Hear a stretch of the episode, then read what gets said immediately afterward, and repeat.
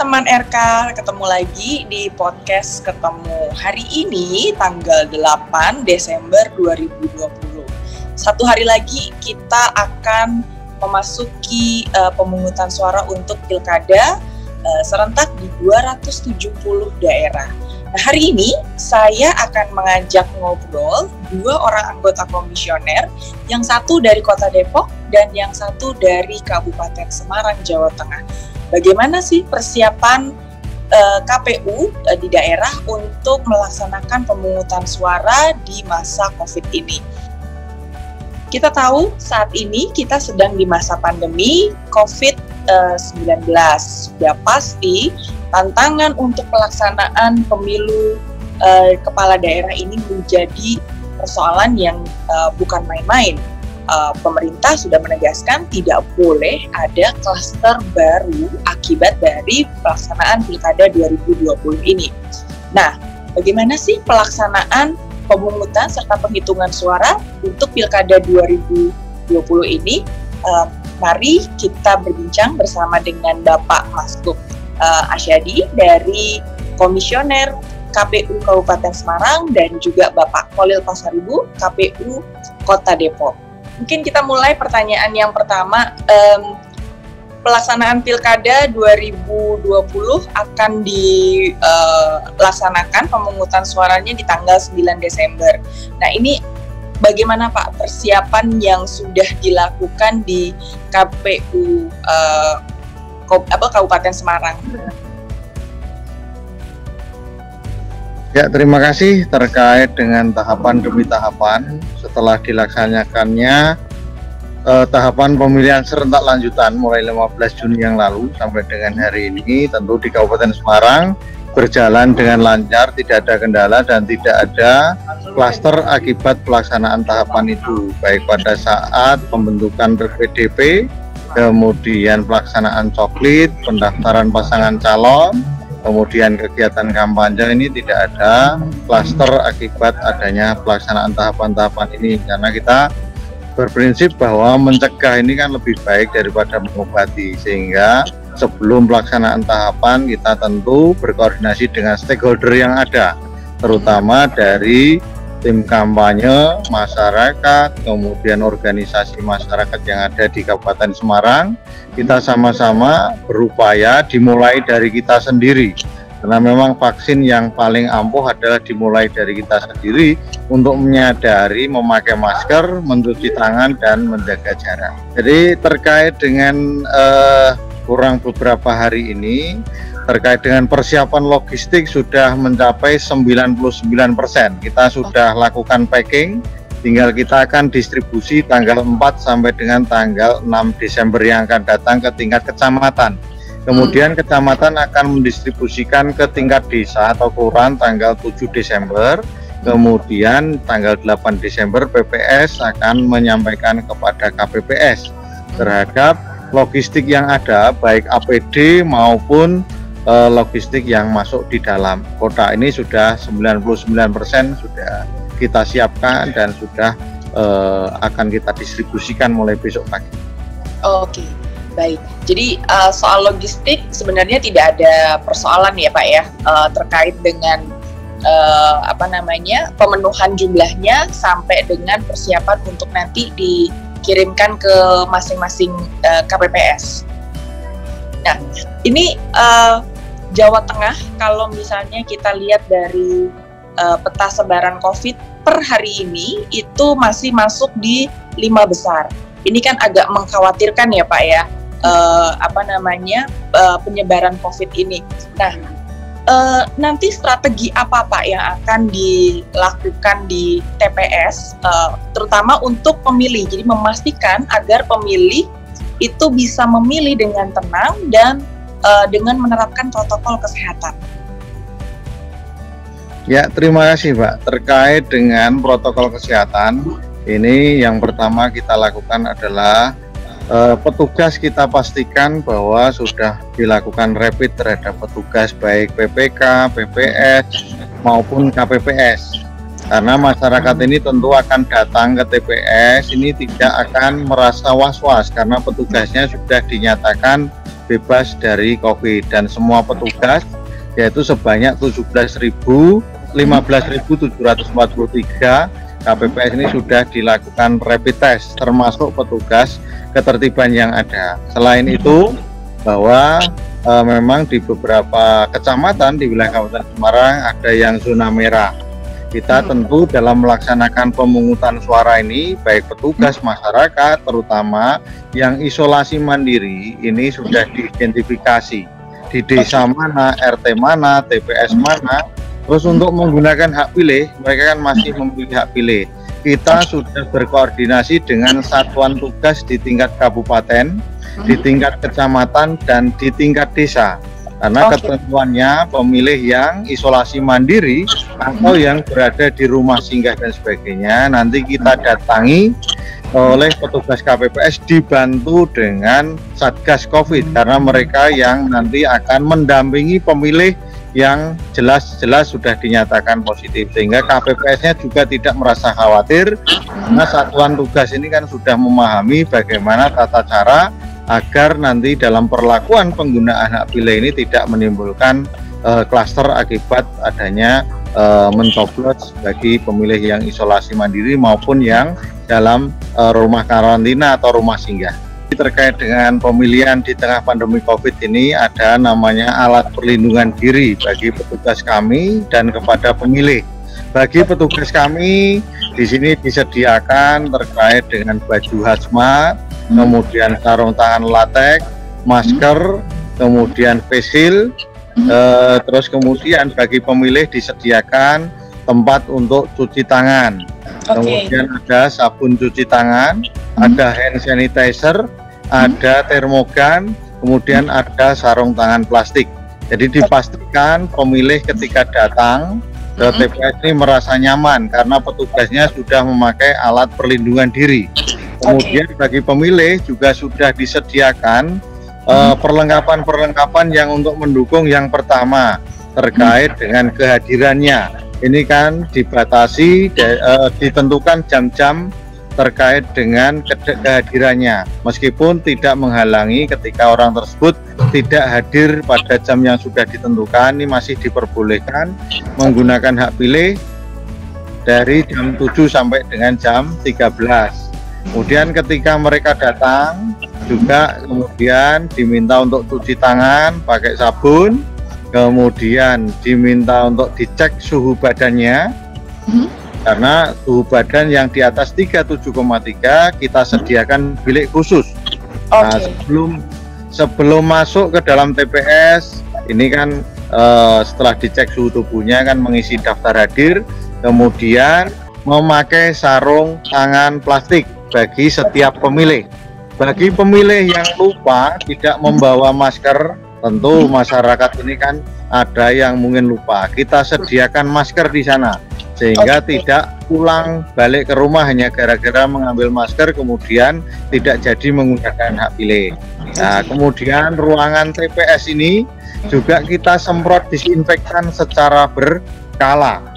Ya, kemudian juga ketika meng, setelah menggunakan hak pilih, kita sediakan tempat untuk membuang sarung tangan plastik ini. Ya, tempat untuk membuang sarung tangan plastik ini sudah kita koordinasikan dengan Dinas Lingkungan Hidup karena sampah plastik ini menurut ketentuan tidak boleh dibakar. yeah. menurut informasi dari Dinas Kesehatan bahwa sampah plastik yang digunakan ini berpotensi menjadi limbah yang eh, B3 sehingga kita harus hati-hati dalam penanganannya. Kita sudah koordinasi dengan Dinas Lingkungan Hidup.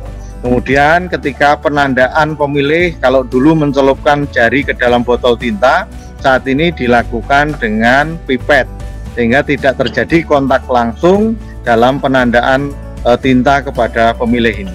Oke, baik. Tadi penjelasan dari uh, Bapak Maskup KPU dari Kabupaten Semarang terkait dengan persiapan pelaksanaan pemungutan dan penghitungan suara. Sekarang saya beralih ke Bapak Holil Pasaribu dari Kota Depok. Nah, Pak, ini bagaimana uh, persiapannya untuk menjelang pemungutan dan penghitungan suara uh, besok Ya, terima kasih Mbak Erika dan rekan-rekan uh, kebangsaan.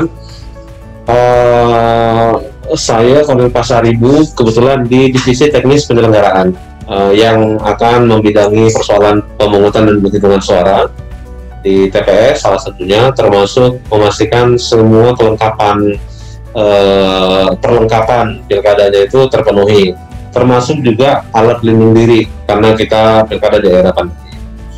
Uh, sebelum kita melaksanakan pilkada, kita sudah uh, dalam beberapa hari ini ke depan sedang sudah sedang dan sudah melakukan uh, rapid test terlebih dahulu terhadap anggota KPPS kita semuanya. Jadi kita kan ada kita ada 4.015 TPS uh, masing-masing TPS itu di uh, apa uh, di apa namanya dihuni oleh 9 orang uh, petugas, dua orang ketertiban dan tujuh orang KPPS. Nah mereka ini semuanya sudah dan sedang melakukan uh, rapid test. Kita bekerja sama dengan dinas kesehatan. Tujuannya untuk memastikan uh, semua anggota KPPS kita yang nanti akan bekerja di hari pemungutan suara dipastikan uh, terbebas dari uh, apa dugaan COVID gitu. Uh, masih ada pro, masih berproses masih ada yang uh, belum direpit uh, ini masih terus berjalan karena banyak sekali. Apalagi uh, fasilitas kesehatan kita juga uh, apa terbatas begitu ya terbatas dalam artian uh, sambil melakukan uh, tugasnya petugas medis ini juga harus meladeni kita gitu. Uh, di hari-hari kerja. Jadi memang harus diatur waktunya. Kemudian uh, kita juga mendapat kabar bahwa petugas pengawas PPS atau PTPS itu juga dirapit oleh uh, diperintahkan rapid oleh Bawaslu jadi uh, tidak hanya anggota KPPS, pengawas TPS yang ikut hadir nanti di lapangan juga sudah direpit. Dan memang dalam regulasi kita itu tidak ada kewajiban uh, memastikan eh, saksi-saksi uh, nanti untuk menyerahkan hasil rapid test kepada KPPS kita tidak, tetapi kami uh, sudah menghimbau, sudah ber, apa, sudah mempersiapkan uh, himbauan kepada paslon satu dan dua kalau di Depok itu uh, agar uh, apa namanya mendorong mereka untuk merapi tes para saksi karena nanti para saksi turun hadir di dalam uh, pemungutan suara tentunya. Nah itu dari sisi uh, langkah pertama gitu ya langkah pertama untuk mengantisipasi penyebaran COVID. Kemudian uh, kita juga sudah menyiapkan uh, seluruh logistik alat pelindung diri uh, logistik alat pelindung diri ini kalau untuk kota Depok sudah lengkap semuanya. Uh, terakhir sekali itu uh, sarung tangan latex terakhir yang baru masuk dan itu adalah alat alat pelindungan diri paling akhir yang uh, kami tunggu-tunggu dan alhamdulillah sudah sampai dan sedang didistribusikan ke masing-masing uh, TPS. Nah, uh, protokol kesehatan nanti yang berlaku di TPS itu pertama uh, setiap pemilih itu uh, saat anggota KPPS kita mengirimkan C pemberitahuan tiga hari sebelum hari pemungutan suara, pemilih itu sudah diberikan himbauan. Himbauan melalui C pemberitahuan. Dulu kan disebut undangan. Sekarang sudah sudah berbeda namanya C pemberitahuan. Kandungan uh, suratnya itu berisi pertama tanggal dan hari dan tanggal pemungutan suara, lalu jam pemungutan suara. Yang kedua, uh, waktu kepada si pemilih tertentu untuk melakukan pemungutan suara di waktu-waktu tertentu yang sudah diatur.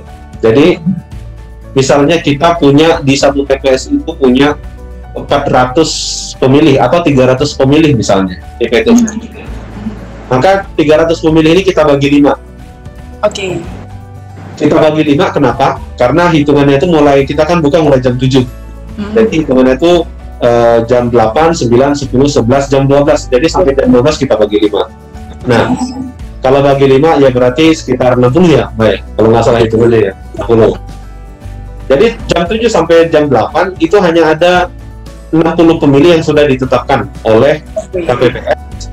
Yang situ udah ada di dalam cek pemberitahuan Misalnya saya, saya dapat jatah misalnya untuk datang ke TPS jam 8 sampai jam 9 saja gitu. Begitu juga nanti dengan pemilih yang lainnya. Nah, kenapa sampai jam 12 dibagi? Karena nanti jam 12 sampai jam 1 anggota KPPS itu punya kewajiban lebih. Misalnya menjemput suara bagi pemilih-pemilih yang uh, sakit di rumah Mhm. atau pemilih tahanan atau pemilih yang isolasi berdasarkan data pemerintah misalnya Oh, Oke. uh, jam 12 sampai jam 1 kemudian jam 12 sampai jam 1 juga melayani pemilih tambahan yang tidak punya eh, apa tidak termasuk di dalam DPT kemudian dia hanya punya KTP elektronik dan eh, atau surat eh, keterangan. Nah itu diladeninya tuh hanya di jam 12 sampai jam 1 jadi Oke. pembagian waktunya itu sampai hanya 5 jam. Oke. jadi 300 pemilih itu bisa teratur lah 60 di jam pertama 60 di jam kedua itu pertama. Mhm. kemudian dalam eh, C pemberitahuan surat C pemberitahuan ini juga terkandung himbauan. Pertama mau eh, meminta pemilih datang ke TPS untuk memakai masker. Oke. ini kan nggak aneh lagi karena memang sudah menjadi ya new era gitu ya era baru eh, di masa pandemi. Jadi semua pun udah pakai masker nggak aneh Mhm. Eh, tapi yang ada tambahannya adalah supaya pemilih itu membawa alat tulis sendiri Oke. dalam bentuk pulpen Mhm. karena nanti dia kan datang ke TPS harus absen gitu ya Iya, benar. Nah, dokumen absen namanya itu C C daftar hadir pemilih sekarang sudah sudah digampangin eh, kodenya C daftar hadir pemilih sehingga dia nanti tidak bertukar eh, bertukar pulpen yang sama gitu dengan pemilih lainnya gitu jadi di dalam surat C pemberitahuan sudah kita himbau hal-hal seperti itu jadi memang kita butuhkan agar eh, pemilih bisa menaati dan eh, apa memaklumi himbauan kita gitu kan mengikuti protokol ini demi eh, kesehatan kita bersama dan kesehatan pemilih yang bersangkutan gitu. Nah pada hari H saat pemilih mau masuk ke TPS yang bersangkutan itu harus dicek suhu dulu oleh petugas ketertiban. Oke. Setelah dicek suhu, di situ kita menyediakan juga tempat cuci tangan. Diwajibkan untuk cuci tangan pakai sabun. Di Oke. setiap sudah ada alat cuci tangan eh, dan sabun dan itu pun di, berada di pintu masuk dan di pintu keluar gitu. Oh, Oke, baik. Jadi ada dua nanti ya, Pak ya? Ada dua, ada dua pintu masuk dan pintu keluar. Nah, pada saat dicek suhu, jika yang bersangkutan suhunya di bawah tu- 37,3 dipersilahkan masuk. Lalu yang bersangkutan akan eh, mengidentifikasi namanya itu di absensi dengan menunjukkan KTP elektronik, C pemberitahuan atau surat keterangan. Nah, eh, kalau dia membawa pulpen sendiri, ini lebih aman karena dia bisa langsung menandatangani absensi, gitu ya. Menandatangani absensi, eh, nanti dia nggak perlu nulis absen lagi, tapi dia tinggal tanda tangan saja karena namanya sudah tertera di dalam absen. Jika yang bersangkutan tidak membawa pulpen, tetap saja KPPS itu menyediakan pulpen KPPS ada. Nah, pul- pulpen ini kan nanti pasti dipakai bergantian. Jadi KPPS juga sudah menyiapkan hand sanitizer untuk setelah digunakan pulpen tersebut oleh seseorang, lalu disemprot, di disinfektan lah begitu. Baru nanti bisa digunakan oleh orang yang lain Oke. Baik. setelah itu nanti ada diberikan oleh KPPS sarung tangan plastik sekali pakai. Oke. Nah, sarung tangan ini disediakan oleh KPPS. Jadi eh, kadang-kadang prakteknya bisa kebalik-balik. Bisa dikasih sarung tangan dulu atau bisa tanda tangan dulu. Ya tergantung tergantung mengidentifikasi nama yang bersangkutan di dalam DPT itu ada apa enggak. Nah intinya eh, perlindungan terhadap pemilihnya juga penyelenggaranya itu eh, sudah dilakukan sejak eh, awal gitu.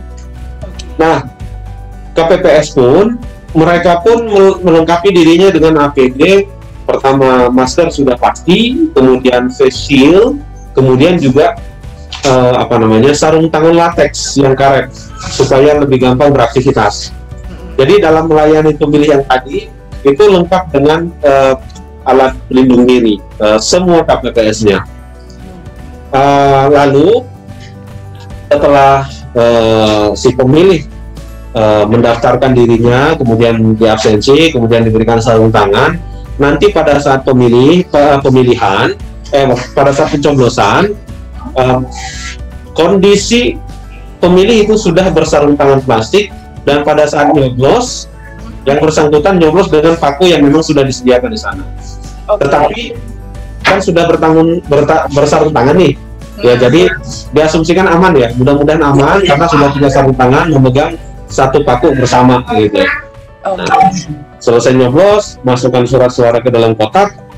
Sebelum dia di sebelum dia menetes apa uh, di apa uh, apa istilahnya uh, mencelupkan diri jarinya untuk ya. sebelum diberikan tinta dia buka dulu sarung tangan itu dan membuangnya ke tempat sampah yang sudah disediakan. Okay. lalu baru diberikan tinta tidak lagi mencelupkan tapi diteteskan di antara kuku. Tetesnya itu di antara kuku dan kulit.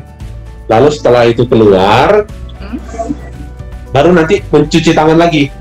Nggak akan hilang nggak akan hilang pertama karena memang uh, kualitas tintanya memang kualitas tinta yang uh, khusus untuk pilkada untuk pemilu.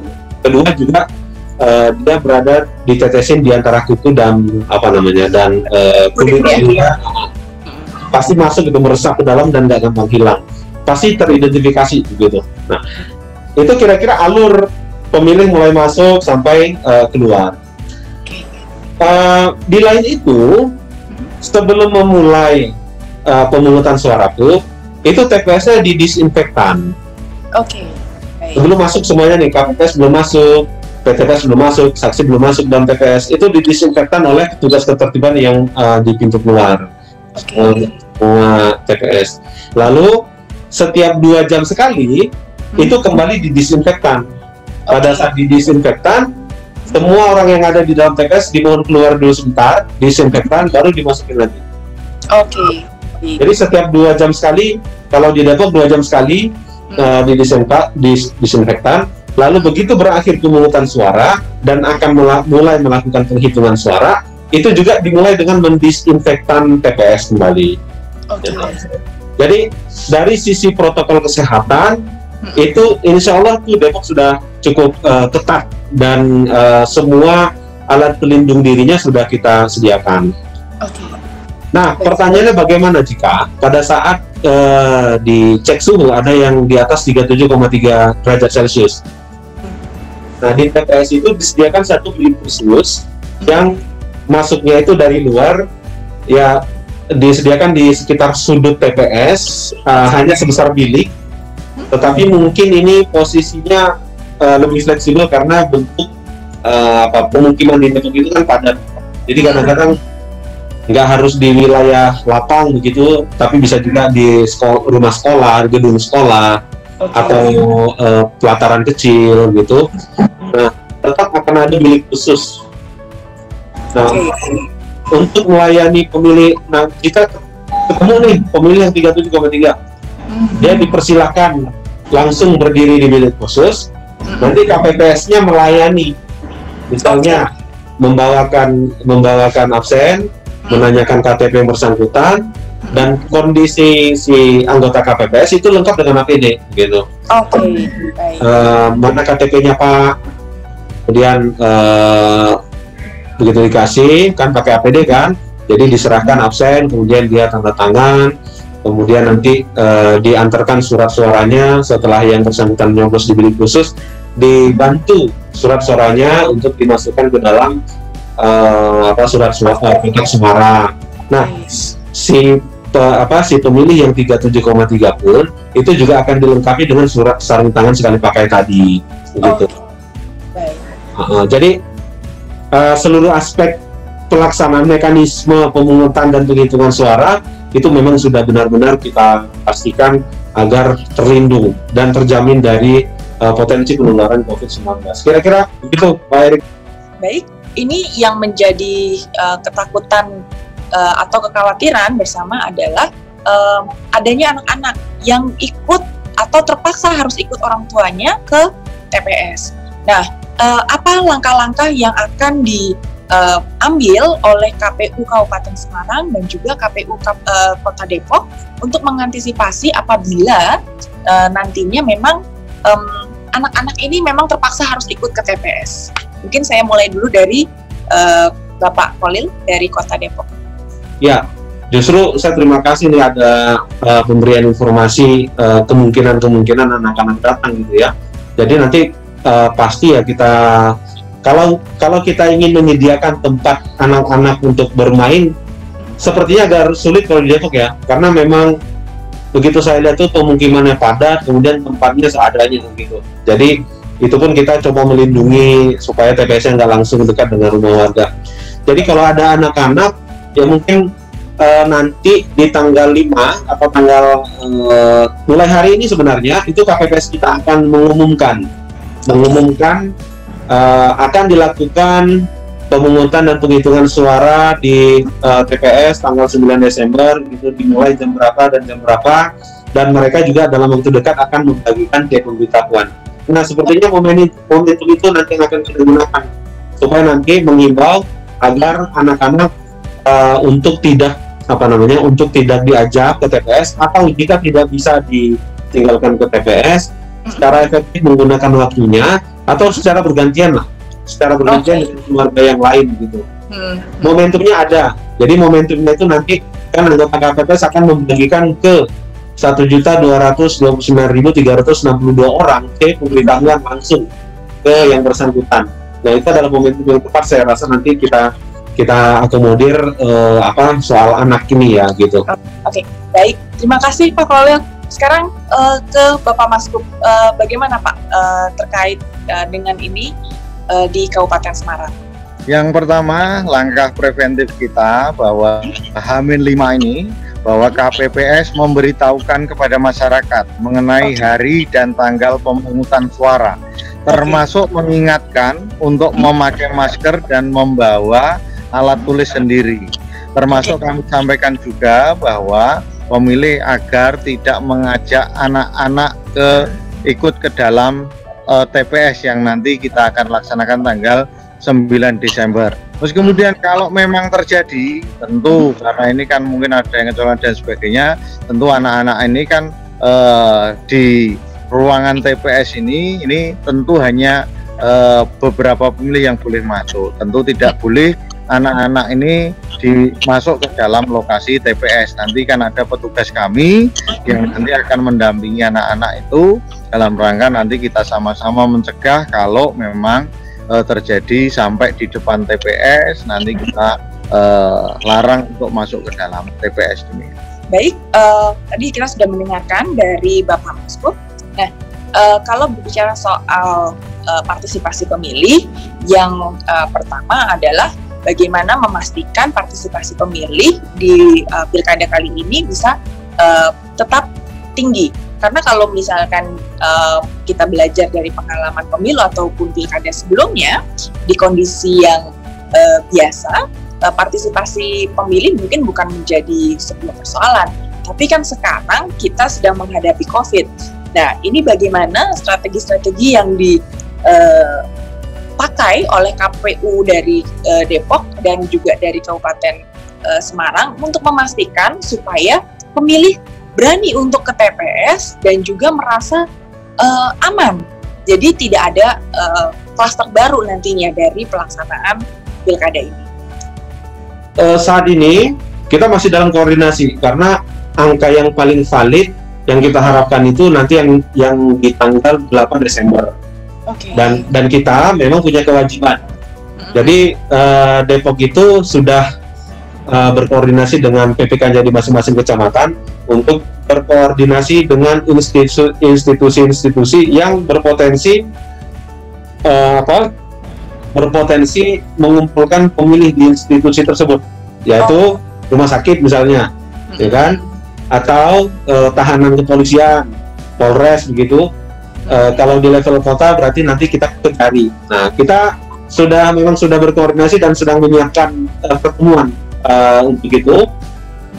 Uh, direncanakan sih uh, seingat saya itu uh, ini tanggal ini hari Jumat ya Jumat 25 hari hari Minggu kita uh, akan sudah bersurat sih hari Minggu kita akan berakor dengan mereka. Nah, oh. Uh, tapi kita sudah sejauh-jauh hari kita sudah uh, apa ngorok-ngorok secara langsung bahwa kita nanti akan begini-begini. Kewajiban kita itu memastikan pemilih di tahanan, pemilih di rumah sakit itu harus dilayani. Nah, Ya. ada perbedaan bagaimana melayani pasien, pemilih yang di rumah sakit tapi pasien dengan pemilih di rumah sakit yang keluarganya yang bukan pasien, gitu kan? Apa petugas petugas medis yang ada di rumah sakit atau di klinik atau di puskesmas? Oke. Kalau pasiennya, kita akan lakukan penjemputan suara. Nah, ini Oke. eh, angkanya tadi yang tadi yang sedang kita mintakan ke eh, apa ke PPK kita ke di tingkat kecamatan itu koordinasi langsung dengan rumah sakit rumah sakit yang berada di kecamatan mereka gitu. Angkanya sudah ada, tapi eh, kebetulan saya saja yang belum eh, dapatkan angka pastinya. Tapi lebih pasti pun nanti kita minta di tanggal yang paling akhir dapat datanya karena lebih valid karena bisa jadi dalam beberapa hari ke depan itu ada orang yang masuk rumah sakit gitu kan Oke. Uh, jadi supaya mereka tidak dipastikan bisa dilayani uh, hak pilihnya, itu kita minta paling data yang paling akhir. Tetapi kalau bagi petugas medis, karyawan, dia tidak kita jemput suaranya, walaupun Oke. berada di rumah sakit yang sama dengan pasien. Oke. Tapi mereka diminta untuk memilih ke TPS yang paling dekat di rumah sakit itu. Gitu. Oke. Baik. Nah, mereka nanti akan menggunakan uh, surat A5 pindah memilih untuk memilih di uh, apa rumah sakit terdekat uh, di TPS dekat rumah sakit tersebut. Dan uh, kita sudah jauh-jauh hari berkoordinasi dengan rumah sakit tersebut bahwa nanti kita akan melakukan mekanisme yang tadi yang saya sampaikan. Jadi uh, petugas medisnya sama uh, keluarga-keluarga pasien itu bisa mengatur waktu, supaya bisa memilih. Oke. La- Lalu untuk mungkin ada kaitannya dengan pasien COVID juga, kita kita berkoordinasi juga dengan eh, tim gugus tugas dan kita juga tetap meminta di data di tanggal 8 per tanggal 8 eh, di mana saja eh, dan berapa jumlah dari eh, masyarakat Kota Depok yang eh, isolasi gitu. Oke. Jadi yang resmi isolasi diketahui oleh, oleh negara. Data itu nanti yang akan kita turunkan langsung ke eh, bawah. Kebetulan eh, koordinasi kita dengan gugus tugas justru hari ini. Hmm. Nah kita tinggal menunggu data yang paling akhir lah. Kan Oh. bisa jadi tanggal 5, 6, 7 itu ada saja gitu kan yang data yang masuk isolasi gitu. Hmm. Nah, Hmm. kenapa kita butuh tanggal yang paling update? Karena memang kita harus memfasilitasi A5-nya, surat pindahnya dari KPU. Hmm. Jadi kita nggak ingin ada satu masyarakat pun yang ketinggalan begitu untuk kita layani eh, pindah memilihnya gitu. Makanya kita minta data yang paling akhir gitu. Dan ada satu lagi pemilih yang eh, dia sakit tapi di rumah. Hmm. Nah bisa jadi misalnya yang tua renta atau yang Hmm. sudah yang eh, tidak mampu untuk jalan. Eh, ini tinggal mekanismenya dilaporkan oleh keluarga yang bersangkutan ke KPPS dan kita Oh. sudah minta KPPS kita mensosialisasikan ini. Hmm. Jadi jika nanti keluarganya datang ke melapor ke KPPS Hmm. eh, dan yang bersangkutan sakit, tentu nanti akan diminta beberapa administrasi misalnya Hmm. eh, surat eh, keterangan memang sakit dari dokter segala macam. Eh, jadi kita bisa jemput eh, suaranya gitu. Eh, yang pasti berbeda dengan eh, perlakuan untuk menjemput suara pemilih yang eh, dinyatakan COVID gitu berbeda. Kalau yang dinyatakan COVID nanti KPPS kita itu akan menggunakan hazmat menjemput eh, suara pemilih tersebut didampingi oleh saksi-saksi dan PTPS gitu Mbak Erika.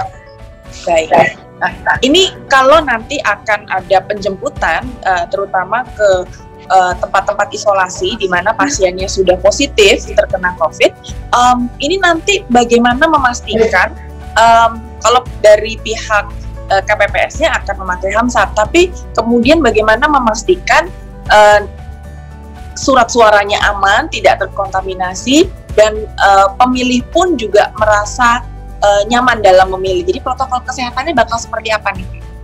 Nanti kita minta didampingi. Jadi Oh. pendampingan yang dimaksud itu bisa dipilih dari keluarga yang kena COVID atau Hmm. dari petugas medis yang ada di situ yang dipercaya oleh si pemilih atau ditunjuk oleh pemilih atau anggota KPPS kita sendiri. Dia dapat menjadi pendamping.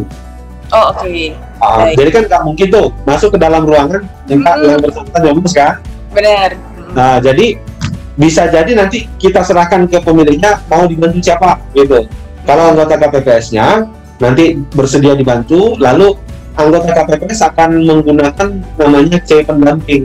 Nanti di situ dia menyatakan bahwa dia membantu yang bersangkutan, kemudian tanda tangan di situ ada komitmen untuk tidak membocorkan uh, hak pilih dari si pemilih begitu. Jadi tetap di luar, nggak mm. langsung, Hmm. Walaupun demikian tetap menggunakan hazmat gitu, karena kan masuk ke wilayah ini isolasi ya. Kita yeah. ingin ini pemilih uh, eh, KPPS kita sendiri. Baik, terima kasih Pak Kolil. Sekarang uh, ke Bapak Maskup, uh, bagaimana Pak uh, terkait uh, dengan ini uh, di Kabupaten Semarang?